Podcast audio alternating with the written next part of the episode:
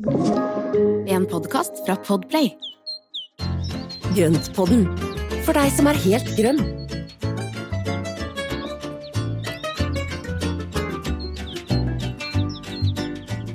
Hei og velkommen til Grønnpodden. God dag. Hallo, Espen. Hei, Marianne. Går det bra? Det går veldig bra. Og det gjør det jo, for at nå er det jo endelig litt mer varme ute. Eller vi, vi håper jo at det, det er disse dagene kunne få litt mer varme, sånn at det kan komme i gang for denne våren. For den har vært seig. Den har det. Men vi tar jo alle sånne lyspunkter i tilværelsen. Jeg Ja, ja, syns jo det blir jo det blir jo varmere og varmere. Mhm. Og det er jo mindre og mindre lag med klær. Det er sant. Det er sånn Jeg gleder når man kan gå ut og så kjenne at å ja, jeg tok på meg litt for mye. Ja, da kan man begynne å ta seg. Så der er vi nå. Og så har jeg jo gleda meg litt til denne episoden også, for dette er jo litt annet tema og litt andre ting enn det vi har snakket om tidligere. Ja. I dag skal vi altså rett og slett snakke om hva vi har sagt er inspirasjon til uterommet. eh, Innredning av uterommet, både med si, møbler og ting, og ikke minst planter, så klart. Så, så det har vi lyst til å ta en prat om. Og målet er jo å gi noen ideer og tanker rundt det å, å skape et uterom som ikke bare ser bra ut, men som også er hyggelig å oppholde seg i. Og det er jo også noe med dette her å ikke nødvendigvis kaste seg på alle trender som er, og egentlig tenke litt på hva vi liker. Det er jo det. Og så har vi snakket litt på forhånd om det med at eh, trender har liksom gått i, i, i løpet av vår livstid. vi, er jo, vi har jo levd noen tiår nå, Espen. Ja, vi har det. Men så har det sånn gått fra at en periode så var det, jo, var det veldig kult å bruke ordet trendy. Eh, og så har det blitt sånn fyord de siste årene. Man skal helst eh, Det er jo ingen som, som lar seg påvirke av trender. Altså Sannheten ligger vel et sted midt imellom. Ja. At eh, trender er liksom bevegelser i si, smak i, i samfunnet, og så blir det impulser til den enkelte. Og så klart så blir vi jo litt påvirka av impulsene, men eh, vi trenger jo ikke ta alle nyheter med oss, men vi kan plukke og velge litt og, og mikse det med det vi har. Ja, ikke sant. Og du har jo skrevet mye om dette her, for du har jo skrevet både om innerom og uterom, og inter, altså interiør og, og det hele, og i mange, mange år. Mm. du har Ja jo gått, du har jo dykka dypt i dette her med, med strømningene i, og i trendbildet. Ja da, så det, det kan nok hende at, eh, at noe av det jeg har lært av alle de flinke folka jeg snakka med, kan komme oss til nytte i dag. Eh, absolutt. Og du har jo også jobba mye med det, så jeg føler jo at vi, vi eh, Altså utgangspunktet vårt er vel liksom våre egne betraktninger og erfaringer, Ja. og, så, og litt det vi har lært gjennom eh, å, å være i, i designbransjen, da, og Ja. plantebransjen. Det er litt morsomt å se når vi snakker om at vi er så fryktelig gamle. Det er vi jo ikke. Men vi er gamle nok til å kunne se litt bakover i tid. Eh, og jeg tenker på hvordan vi bruker uterommet litt annerledes i dag enn det vi gjorde da jeg var liten. At det da var mer snakk om å ha bed og en stor, fin gressplen, mens nå kanskje vi ønsker å fylle uteplassen med mer eh, områder, da, som vi kan bruke mer av den, istedenfor at vi sitter oppe ved huset og ser utover på plenen, så kanskje vi vil være ute på plenen. Ja. Jeg vet ikke, men det, bare, det, er, det bare slo meg at Ja, det er så mange flere som bruker hele arealet sitt. Ja, men jeg tror nok det, og det at man også lager mye mer soner og rominndeling i hagen og uterommet, er, og det er jo noe som har kommet mer og mer de siste årene. Hvor man da bygger opp egentlig både med ulike rom og soner, men også at man da tenker på høyden og, og, og for å bygge volumet i hagen med da høyde, høydeforskjeller. Og jeg syns jo det er en veldig hyggelig tendens at vi gjør det, for det betyr jo at vi, liksom, at vi omfavner årstiden mye mer, kanskje. Da. At vi, at vi, eh, vi gleder oss over den tiden på året som vi kan være mye ute, og, og samtidig at vi kanskje da bruker uterommet vårt mer året rundt, tenker jeg. Ja, absolutt. Og flere og flere har begynt å gjøre. For man, man kan jo både dyrke ting eh, året rundt, men man kan også hente, hente ting fra hagen og uterommet gjennom, mm. gjennom vinterhalvåret. Sånn til dyrking og forkultivering og, og spiring av greiner, og ikke minst ut og grille. Det tenkte jeg også på. Det er jo helt supert. Jo, men det er liksom, man kan prøve seg litt ut. Hva fungerer om vinteren? Ja, men det går an å grille. Da Ja, gjør vi det. Det gjør det. Og det er veldig, veldig morsomt å stå og grille til både jul og, jul og nyttår. Herlig. Så bra. Men da skal vi sette i gang da, og snakke litt om eh, hva vi tenker om det. Vi, vi, har, vi, har, jo egentlig veldig, vi har veldig mange punkter rundt det her, da. Eh, jeg vet ikke om vi skal si at vi har sånn kjempeorganisert eh, etter prioritet, men eh, vi har nå en del tips og tanker, så vi bare tar og skravler oss innom det. Skal vi ja, men det skal vi, det skal vi, gjøre. Og det aller første så er jo noe om at vi må jo først tenke litt på de praktiske tingene. Mm. Og jeg tenker det aller første som når du har et uterom, enten det nå er en balkong eller en terrasse eller en svær hage, så er det jo det med å tenke på hvordan du eh, kommer til å bruke det mm. uterommet. Er det et sted som det skal eh, lages mat, eh, spises mat, eller skal man ha det mer som en lounge? Er du en plantefantast som kommer til å bruke masse tid på å holde på med det der? Mm. Eller, eh, og eller har du barn, små barn, som skal bruke den plassen til å leke? Mm. Alle de tingene er jo sånn som du må ta en fot i bakken og tenke litt igjennom. For det er ikke sikkert du får plass til alt du ønsker deg, og da bør du prioritere. Ja, og det er jo også litt med dette med trender. At Man får jo ofte se litt glansbilder på hvordan ting skal se ut. Og det er jo ikke alltid at det er gjennomførbart. og Det er jo derfor man må da plukke ut de elementene som da som man kan bruke, og de tingene som man da ser at kan funke med sin egen livssituasjon. Mm. For det er jo ikke alltid at det passer seg med, med, med verken det ene eller det andre i forhold til noen av de bildene man ser som er, er til inspirasjon. Da. Og det er jo sånn som nå ser vi jo at det, det, det kommer mange basseng i løpet ja. av fjoråret, og det kommer sikkert noen i år også. Mm. Og det er jo fristende å tenke at det er herlig, og det er jo blitt mye enklere å ha basseng, så det er jo, eh, bøygen er jo liksom det er mindre enn før. Mm. Men man kan jo også tenke på bor du i nærheten av en fin strand, eller altså er det andre ting du vil du heller ha et drivhus der, hvis du må velge? Mm. Tenke litt igjennom det. Ja. Eh, det er jo det. Ja. Være litt realistisk, egentlig, og da tenke på at hva er, du, hva er egentlig behovene, og hvor mye kommer vi til å bruke det? Og så tenke årstider. Mm. Er det sånn at du vil bruke uterommet ditt mest når det er varmt, eller eller vil du gjøre som Espen og grille deg til jul? Det altså, det er jo noe med det også. Liksom, hvordan, hva slags behov har du? Er det sånn at du resten av året så glemmer du det uterommet, og så har du det fint eh, inne i boligen? Eller, eller, vil du ha muligheten til å utvide eh, hjemmet ditt?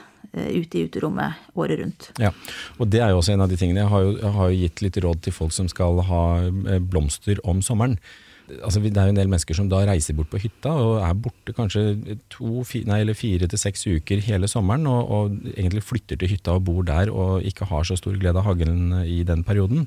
Og Da kan man jo velge liksom, hvordan er det man da bruker hagen. og Er man ikke der, så er det ikke sikkert at det skal være noe som man behøver å ta vare på eller stelle så mye med. Og Det nei, er jo også noe med det at, at, det ikke henger At det ikke du, du, at det blir et ork, da, og at man da får den forpliktelsen til å måtte hjem for å vanne blomstene, men dermed mm. planlegger ut fra at planter som kan klare seg selv. Og kanskje planter som er fine på våren og sensommer, ja. høst. Og det, er, eh, det er liksom, og det kan man jo velge ut fra både blomstringstid og hvordan de utvikler seg og sånne ting. Og litt apropos det, så tenker jeg også på at du bør vurdere når på døgnet du er ute eh, hjemme hos deg sjøl. Er, altså er det morgensol, eller er det kjølig der da? Altså, er det mye sol, er det mye skygge?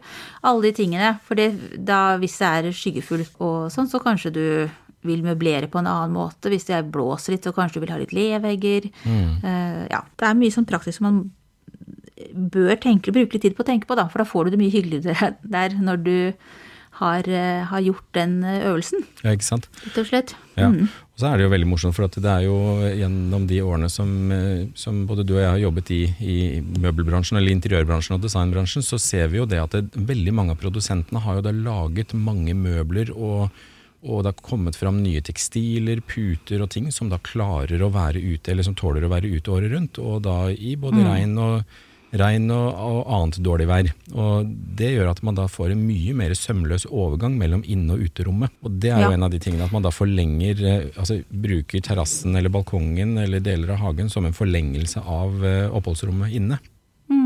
Og at det er enklere å bruke det hvis du slipper å ta inn putene hele tiden, f.eks. Mm. Det er større valgmuligheter sånn stilmessig nå enn det var før. Altså Før så var du liksom en fargeglad parasoll og stripete puter. Mens ja. nå kan man jo fortsatt ha det, men det går også an å ha altså, ja, møbler som ser mer ut som kanskje matcher den stilen du har inne, da. Ja. Hvis det er det du har lyst til. Da får du mye mer helhetlig, helhetlig greie, og det, og det, er jo da også, også, i forhold til huset, som vi har snakket om tidligere. Dette her at man da får Altså Om hagen skal da integreres og passe sammen huset og, og matche huset i forhold til hvordan, eh, hvordan det er bygd opp. Ja, det er, det er morsomt, og det er kanskje ikke det man alltid er så kjempebevisst på. Det har jo noe med opplevelsen da, av å bevege seg mellom eh, innerom og uterom. Mm. Eh, så det kan påvirke litt hvordan du oppfatter det, og hvordan du bruker det. Ja. Jeg tenker at det, altså, Uansett hva, man, hva slags stil man ønsker seg der, så er det jo lurt å sette sammen et moodboard. Ja. Altså bruke en Pinterest-tavle, eller gjøre det fysisk og klippe ut fra magasiner. Eh, der du samler er da farger hyggeligere. Altså, og Det er mye mye hyggeligere å klippe og lime og så lage seg en Ja, ordentlig plate. Istedenfor å gjøre alt på det opp, dataen. så kan Heng du det opp. passere ja så, Ja. ja, så kan du passere det, da. Henge det på et sted på kjøkkenet, eller sånn. Et sted du passerer, så kan du stoppe litt og se på det. Ja, jeg synes det I er hvert fall du samler, ikke sant? For da får du det som eh, Kanskje de eh, situasjoner der du heller ikke er så opptatt av det. Kanskje bare fange blikket ditt litt i forbifarta, og så ser du å ja, men den der sånn, den liker jeg kjempegodt. Men jeg tenker at hvis du samler da farger og møbler, planter så klart, Mm. eh, fliser hvis du skal ha det, krukker, alt, alt sånn som du tenker at du trenger eller har lyst på der ute. Og så ser du om det er, kanskje om det er en sammenheng som, som gjør at det kanskje føler harmonisk, hvis du har lyst til det, eller at om det gir deg energi, eh, eller om det spriker for mye. Det kan jo gjøre at det blir for mange elementer, f.eks., at det blir for mange ulike materialer. Tenk litt på det, du, for det koster jo å, å innrede uterommet. Eh, Det, det er jo en investering. Ja. Så, det er jo så det er dumt også å kjøpe for mye som blir feil. Ja, ikke sant? Og det jeg tenker at det er jo Når du da planlegger godt på den måten der, så kan du kjøre de, eller så kan du ta de investeringene i det tempoet som du selv ønsker, og så kan du da vite at det, nå har vi en plan, dette er det jeg har lyst på, dette er det vi skal handle inn. Og så behøver man ikke kjøpe alt på en gang, for at da går det an å vente og se. Noen ting dukker opp på salg, noen ting dukker kanskje opp på, på, på, på Finn, noen ting som man da kan gjenbruke av gammelt eller arva ting som man har fra, fra familien. Og det å kunne koble sammen alle disse tingene, og da syns jeg det er veldig spennende at man da får satt sin personlighet på det. Og det er jo, Mange spør meg jo om krukker, ikke sant. Og det er liksom, ja, hvor har du fått tak i alle disse krukkene? Jo da, de har jeg fått tak i sånn jevnt og trutt over mange, mange, mange år. og det å plukke sammen de Det tingene man liker Ja. Det blir et helt annet uttrykk hvis du har litt ulike krukker eh, enn hvis du bare er sammen. Altså Igjen så er det jo hva du ønsker deg. Hvis du ønsker å ha alle skal være like, så er jo det også fint. Men det er, altså jeg savner så innmari når vi flytta fra Oslo. så ga jeg bort så mange eh, krukker. Ja. Fordi jeg orker, Vi hadde så mange ting som skulle flyttes, så til slutt, til slutt så blir det sånn at ja, men nei, det trenger jeg ikke. Trenger jeg ikke, trenger jeg ikke. Og nå savner jeg de svære, finnekrokene mine så innmari. ja, det skjønner jeg. ja. Det er ikke så lett å finne de heller. Ja, Og så er det ikke så lett å finne tilbake til, til akkurat de tingene man har likt. For det er jo en grunn til at man kjøpte de i utgangspunktet. Mm, ikke sant. det, det, så sånn er det. Det er lærdom. Ja. Men jeg tenker Bruke at noe av det man kan legge penger Ja, bruk tid. Jeg syns det er kjempelurt det du sier, men ikke, ikke Altså Hvis du har litt is i magen og koser deg med å la det uterommet vokse fram, Mm. så kanskje du først trenger et bord og noen stoler, eller kanskje du først trenger en, en hengekøye. Altså Begynn der du føler at du, det du trenger mest, og så bygger du det opp etter hvert. Mm. Men én ting som jeg syns at fort kan bli litt sånn glemt, og som det kan være verdt å legge kanskje noen av de første kronene på, er jo belysning, utelys. Det er jo så stemningsskapende med fint plasserte lamper, og både sånne for å understreke flotte vekster, og for å skape en god stemning hvis man skal sitte et sted og slappe av. Ja, Det gir en dybde, dybde til uterommet, og det er jo da på sensommerkveldene og ikke minst også på vinteren. Gir en veldig fin effekt, altså. Det gjør det. Er det noe annet vi har tenkt på det, Espen? Jo, men, altså det har jo tenkt på så mye, men det er jo også dette her med og det å kunne lage, altså Nå med den tiden vi har vært gjennom, så er det jo veldig mye mer tid til familie og, og de nære vennene. ikke sant? Altså de, de nærmeste som man da omgås. Og, og det å kunne ha da et utekjøkken, og det behøver ikke være så komplisert eller eh, stort, men det å kunne lage mat ute er jo en veldig hyggelig greie. Og da, Det er kjempehyggelig. det å Det er sånn integrere det et frihetsfølelse. sted. Mm. Det har jo vært eh, populært de siste årene. Har, har stadig dukket opp sånne trendsaker som jeg har lest om, og da, da er jo dette med utkjøkken og sånne ting. Men det Mm. også med å dyrke, altså sette av plass til dyrking selv, for at det å da dyrke ting som man kan spise, er veldig gøy. Ja, det å dyrke selv gir jo en helt egen følelse. Det å kunne hente seg noen eh, urter til middagen eller eh, ja, pynte med noen blomster på salaten. Det er jo en herlig følelse. Det er det, og det er, liksom, det er så kortreist, og så tror jeg det vekker en del av de grunnleggende instinktene i oss om å da ja, lage ting sjøl. Mm, jeg er helt enig. Så tenkte jeg på det når du sier det med utekjøkken. Um, det er jo en sånn fin måte å skape et rom på.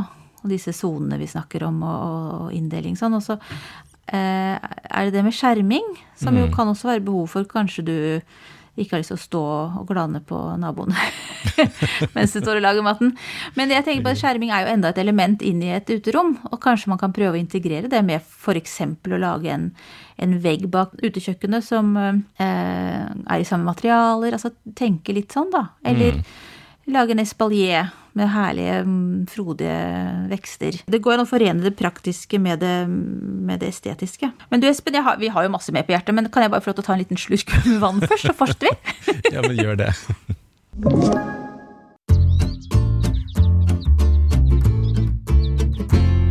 Nå har jeg fått slurken min. Ja. Du, jeg tenkte nå, nå skal vi snakke om det som er litt morsomst å snakke om, da. Nå har Ja. vi vært veldig fornuftige og praktiske. Men hva er det som Hva er det vi ser mye av for tiden, Espen?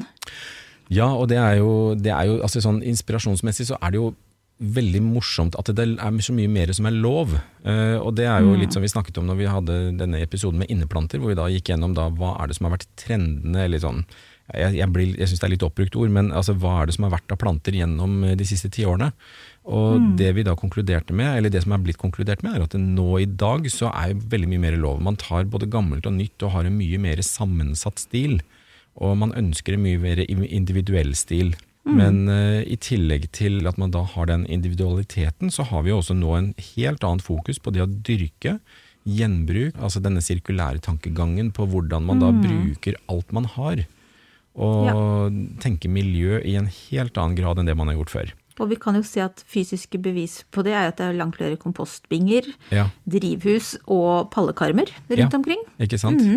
Og det er jo en av de tingene som virkelig har tatt av siste par årene, hvor, eh, hvor man da ser på det. Og så er det, og så er det en del av de, de altså bruke bladstauder, og, altså planter med store blader, som da henger godt sammen, og ikke minst gir gode kontraster. Ja. Og det, Skape en spenning i, i, i plantevalgene. Ja. Og det er jo en av de tingene som, eh, som også har kommet opp, at, eller at man har blitt mye mer bevisst på hvordan man da setter sammen planter, og hvordan man da får det til å funke sammen. Og da, da er det jo dette her med kontraster som mørkt og lyst, og eh, matt og blankt, ikke sant? stort og smått, at man da har de tingene. Høy og lavt. Ja. Ja. Jobbe litt med de ulike altså, volumene, da. Mm. Også.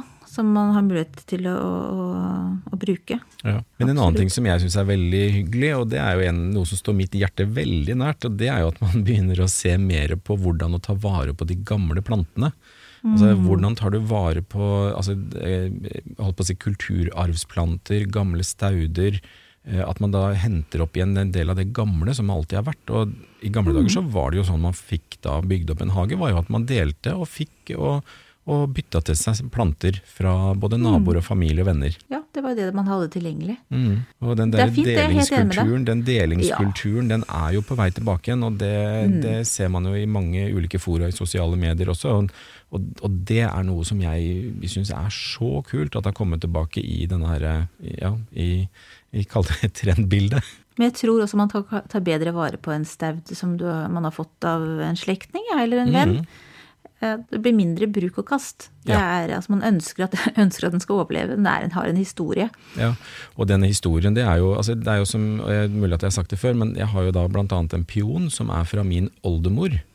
Og den har vært innom da hagen fra oldemor, og innom mormor, og innom mamma og pappa, og hjem til meg, og den har vært i familien i over 100 år, denne planta. Og jeg blir jo veldig sånn ydmyk og tanke på hva den Ja. planta har gitt, gjennom, eller gitt av glede til så mange i så mange år. Og, Ja, det blir jo, det blir jo en personlighet uh, som man gir den planta. Da. At det, Ja. det er jo et, en nærhet til, til en vekst. Ja, og det, denne planta har jo da vært gjennom to verdenskriger, og den har vært gjennom da utallige festlige lag med da hvor det er plukket blomster av den og dekka bord og pynta bord og Nei, vet du hva, jeg, det er sånne ting som virkelig betyr noe. Jeg tenker uansett eh, trender og, og sånne ting, så er det det å ta vare på de tingene der. Det tror jeg er noe som kommer til å stå mye sterkere fremover også. Det er jeg helt enig med deg i. Jeg ble helt rørt, ja. jeg synes det, det er så fint. Jeg bare tenker liksom det slektens, eh, slektens plante. Ja, og det er mange koselig. sånne rundt omkring. Altså, og det å da ja, rett og slett ta, ta vare på det man har, og ikke nødvendigvis å kjøpe nytt alltid. Og selvfølgelig må man kjøpe nytt innimellom, men det er, jo, det er jo det som man kan da fylle på med mye annet gøy som man da ikke får tak i fra, gjennom da familie og venner. da. Ja, og det ene utelukker ikke det andre. Det Ikke det hele Litt gammelt og litt nytt. Ja. Jeg fikk jo veldig lyst til å se et bilde av den peonen, da. Det kan jeg godt skaffe. Og den er du stor, fylt hvit med bitte små røde striper i, og den lukter helt fantastisk. Kommer Mm. i, vanligvis i slutten av juni. Åh, jeg elsker peoner. De er så fine. Wow, nå ble jeg helt satt helt ut, for jeg bare kom på at jeg ønsket meg egentlig peoner i brudebuketten, og så valgte Det sier litt om hvor lite jeg kunne om peoner. Ja. På det tidspunktet. Det her er ganske mange tiår siden. Men, da, men så valgte vi å gifte oss i august. Det, det henger jo ikke sammen. Nei, det er da er det vanskelig. Du får ikke Veldig dumt. Ja. Så, det er, altså, ja, det er jo et tips til vordende bruder er at hvis du har en yndlingsblomst, så sjekk når på, når på sommeren som du bør, begifte bør gifte deg. Ikke sant. Det er, det er, det er viktig. Men, det, er jo, men det, det med planter, altså det er jo en av de tingene som, eh, som er altså inspirasjonen til planter og sånn. og Plukk det som da du ser i disse trendsakene og sånn, så plukk det du liker. Putt inn, og det å da skape sin egen identitet og egen personlige vri på det, og det, det tror jeg er lurt. Og, så ser vi jo nå da at det er veldig mye av dette med naturen som har kommet tilbake, og da velger man jo mye av disse altså mer naturmaterialene og de, de som da også faller mye mer inn i hagen. Altså De er ikke Det er mer harmoni, da. Ja, det er mer harmoni. Det er mye bambus og rotting. Det er jo ikke noe fremmed, tenker jeg, for noen av lytterne. Eh, og det er store krukker. Det er større krukker nå, føler jeg, enn det var før. Mm. Man, om det er fordi at man har forstått at plantene trenger større krukker, eller om det er uttrykket, det kan jo være begge delene. Ja. Så er det jo mer uh, lyst treverk, kanskje mer nordiske, nordiske tresorter. Mm. Uh, og så snakket vi om at det er jo dette kortenstålet og, og støpjern og litt robust og kanskje litt rustikke. Altså det har noe med at det, det er ikke så polert. Nei. Og det er egentlig litt fint, for at det, mye av det der ikke så polerte, altså når du da har rust, rust og jern og, og naturmaterialer sånn, så er jo mye av det også vedlikeholdsfritt. Så du, du egentlig så sparer du deg sjøl for litt jobb. Kjempesmart. Så jeg, jeg, jeg bruker jo sånn som, jeg bruker veldig mye armeringsnett til støtte og, eh, og bruk i hagen til planter som skal klatre på. Og på den måten, ja, ikke sant? Og det, og det du da opplever, det er at du slipper jo å ta plukke løs plantene, og du slipper å gjøre noe vedlikehold, for det bare står. Og det holder seg år etter år. Og så blir det så rustikt og fint, og så forsvinner det innimellom bark og bladverk, sånn at det synes nesten ikke.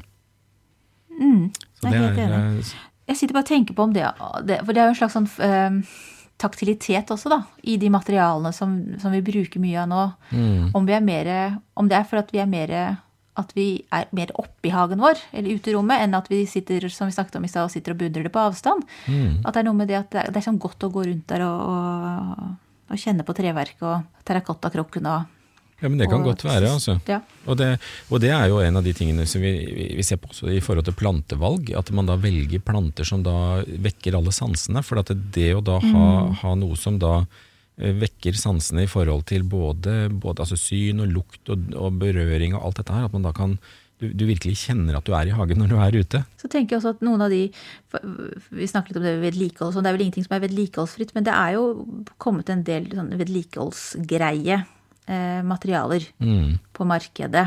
Eh, sånn Caneline har jo det, og andre produsenter også. Um, men de har jo også de har jo også blitt mer og mer eh, natur Jeg holdt på å si naturtro, jeg, men altså det er jo uttrykket Man kan jo også få et ganske naturlig uttrykk eh, uten å velge at det er naturmaterialer. Så kan man jo vurdere om hva man syns om det, men det kan bli et hyggelig uttrykk uansett, da. Hva man ønsker. Så kan man få den der litt naturlige, harmoniske stemningen Ja. i, i uterommet. Ja. Mm. Nei, men Det tror jeg også, og det, er, eh, og det er jo spennende med alle disse materialene som har kommet. og Det, det gjør jo at man da får mye større valgmulighet av, eh, av planter. Så, nei, av planter, sier jeg. av, Det også. Av, ja, det også, men av, eh, av møbler og tilbehør. Så, men det så er det også noe som jeg tenker at det er kjempeviktig, at man da ikke henger seg så mye opp i altså, trender og hva som forventes av deg. For at hagen og uterommet skal være et sted hvor du kan virkelig senke skuldrene. Det skal være mm. altså en frisone. Det er der du skal liksom få, få ro og, og ja, bare få være, og uten at det stilles for mye krav. Ja. Så- Som resten av hjemmet ditt, tenker jeg. Altså, Ja. Prøv å senke skuldrene, og ikke tro at alle andre har det så himla perfekt. Nei, det er Men kos, kos deg i uterommet. altså Bare bruk det, og ha det herlig der på din måte. Ja. Og det er, eh, jeg kan i hvert fall skrive under på at det er langt fra perfekt når det ligger, ligger rot i alle kroker og kriker og sånne ting som hos meg. Og det er, eh, det er, mye, som er mye som er pent å se på, men det er også masse som eh, man ikke behøver å vise fram alltid. Da. Så det er, ja, Ja. det er litt av Så gjelder det å velge hvor du retter blikket, da. Ja, og så er det noe med at du ikke la deg stresse opp av de tingene som du ikke får gjort noe med. Og det er jo, det er jo liksom Bruk tida på å kose deg og prøve å senke skuldrene og gjøre det hyggelig, og så velg det som funker og, og sånne ting i hagen også. For at det er noe med man må jo liksom ikke strebe etter at det skal være så perfekt at man nesten ikke kan være der og ikke slappe av. Nei, da mister man jo helt poenget med, med den frisonen.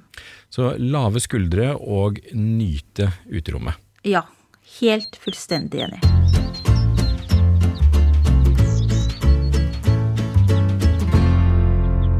Supert, Espen. Da har vi liksom eh, avhandlet inspirasjonen til uterommet. Ja, og det er så stort og vidt og omfattende tema, så det er egentlig litt sånn Og så er det veldig mye smak og behag. Det er det, det, er det jeg tenker at vi må det er ikke, ikke la deg begrense. Gjør ting du har lyst til, tenker jeg. Ja, og det var vel det som egentlig var målet vårt med hele, hele episodetemaet. tema, var det Ja. at vi har så lyst til at folk skal liksom nå, nå som vi er i forkant, eller akkurat har begynt med sesongen, der vi er mest mulig ute, så er det liksom bare kos deg med det, for guds skyld. Og finn ting til inspirasjon, og ikke nødvendigvis noe fasit. Det er, eh, fasiten sitter med selv. Det var en veldig god konklusjon på, på det. Kjempefint. Da fortsetter vi da med Ja. ukas plante. Ja, Brått og brutalt, så Den- tar vi og bare flytter over fokus. Ja, og den Hva er skal vi ha? helt Ja, vet du hva, det, den, det er ikke noe småtterier denne gangen. For det, i denne gangen så har jeg lyst til å da nevne Gunera manicata. Og det er en, eh, ja, det er, den er, det er en helt rå plante. Den, er, eh, det den blir kalles også for kjempegunera. Og Åh, den er kjempefin. Ja, og det er, kjempestor. der- er det den som ser ut som gigantisk rabarbrablader, på en måte? ja, Eller- så den ser ut oh. som enorme piggete rabarbrablader. Og, den, Mm. eh, og så har den en veldig rar, rar blomst som er nedi mellom stilken, som egentlig ikke er noe tess. Eller den er ikke noe, noe ja, det, er- dårlig gjort å si, men den, den er ikke så mye å se på. Den gjør så godt den kan. Det gjør den. Men det som er, det som er spektakulært med denne planta, er bladene.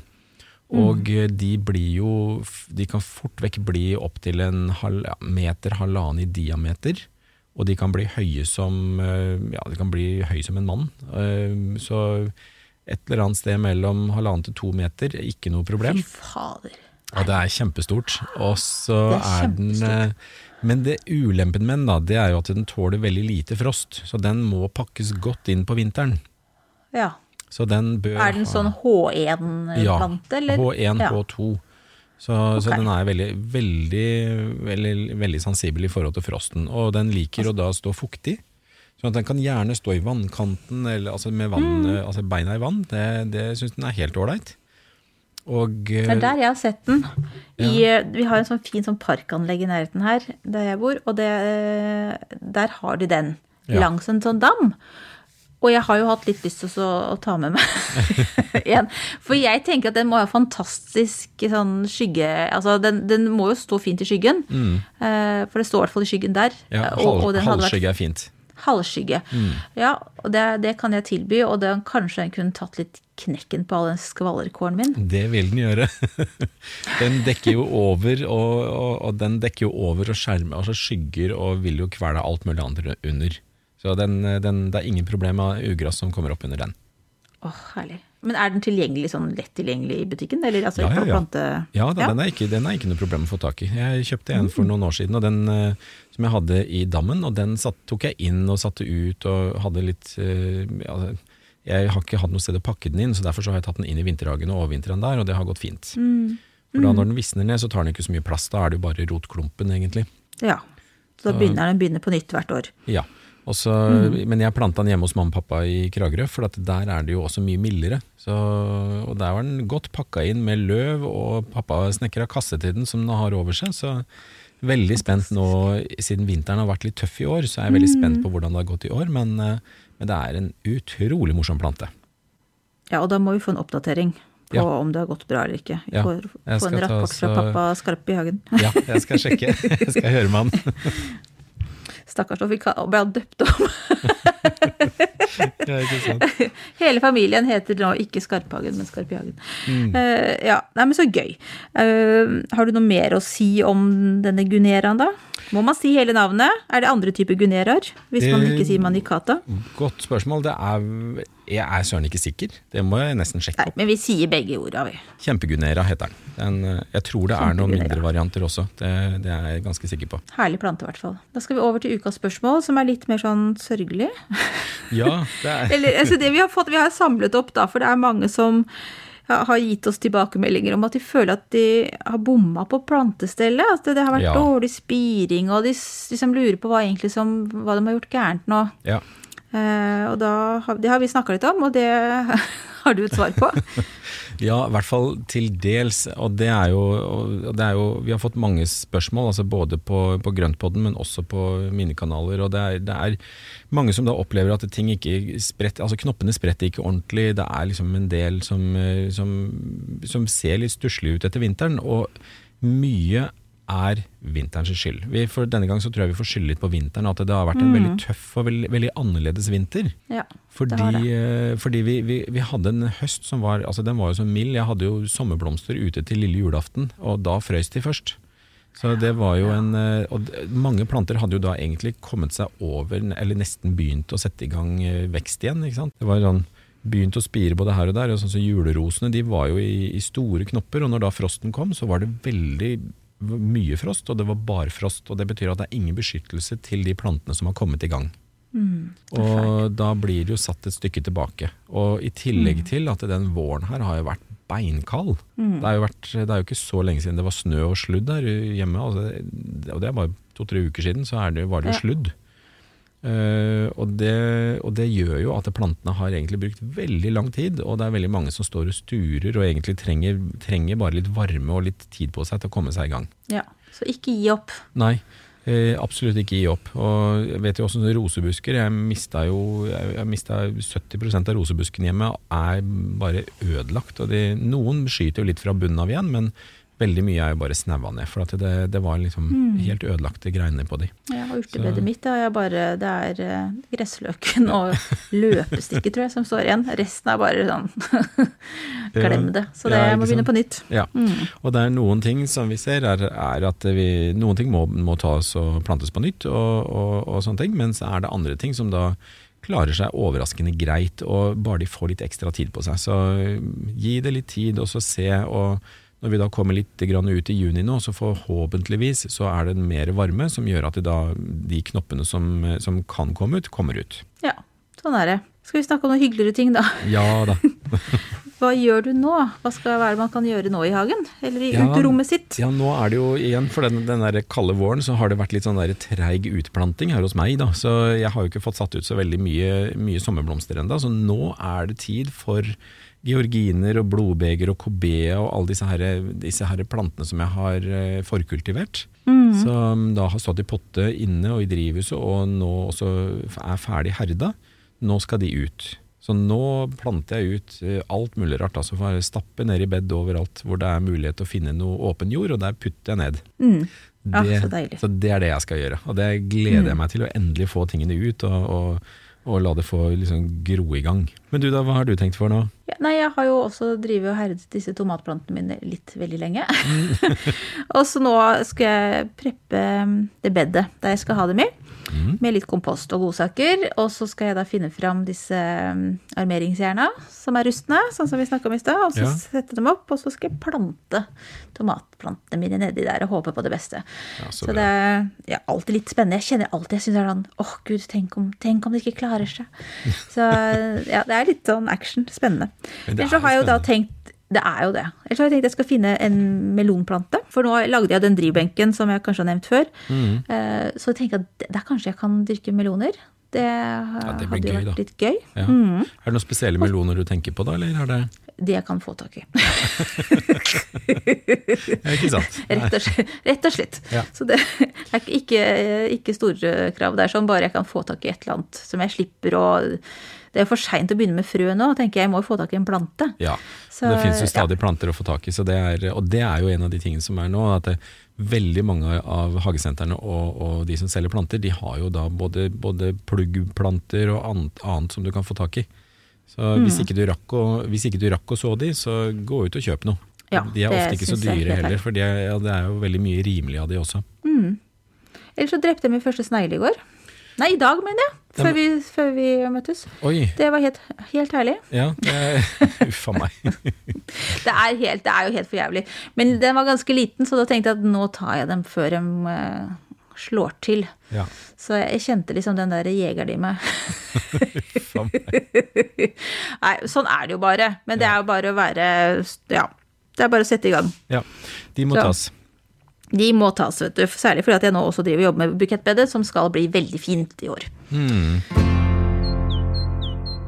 Men Espen, da er vi søren meg ferdig med enda en episode. Ja. Herlig. Det er vi. Eller er det herlig? Nei, vet du hva, det er ikke det. Det er veldig koselig å snakke med deg. Ja, i like måte. Og så er det jeg, ja, det, er, det er veldig morsomt. Jeg er like glad for hver, hver episode vi skal spille inn, og syns det er kjempegøy. Hva skal vi snakke om neste gang? Da? Skal vi fortelle om det før vi sier eh, ha det bra for i dag? Ja, men det skal vi gjøre. For neste gang så skal vi da ta et liten fot i bakken i forhold til hagen som aldri blir ferdig. Det er Eller hagen som eh, aldri skal bli ferdig. Ja, ikke skal bli ferdig. Eller ja, skal bli ferdig. For det er, jo, det er jo En hage er jo under eh, utvikling, og akkurat som naturen. Så dette, dette skal vi snakke litt mer om. Kjempefint. Gleder meg. Men så lenge, enn så lenge så får vi bare si ha det bra, da. Og så ha en fin uke. Så snakkes vi neste torsdag. Det gjør vi. Tusen takk for i dag. Takk for i dag. Ha det.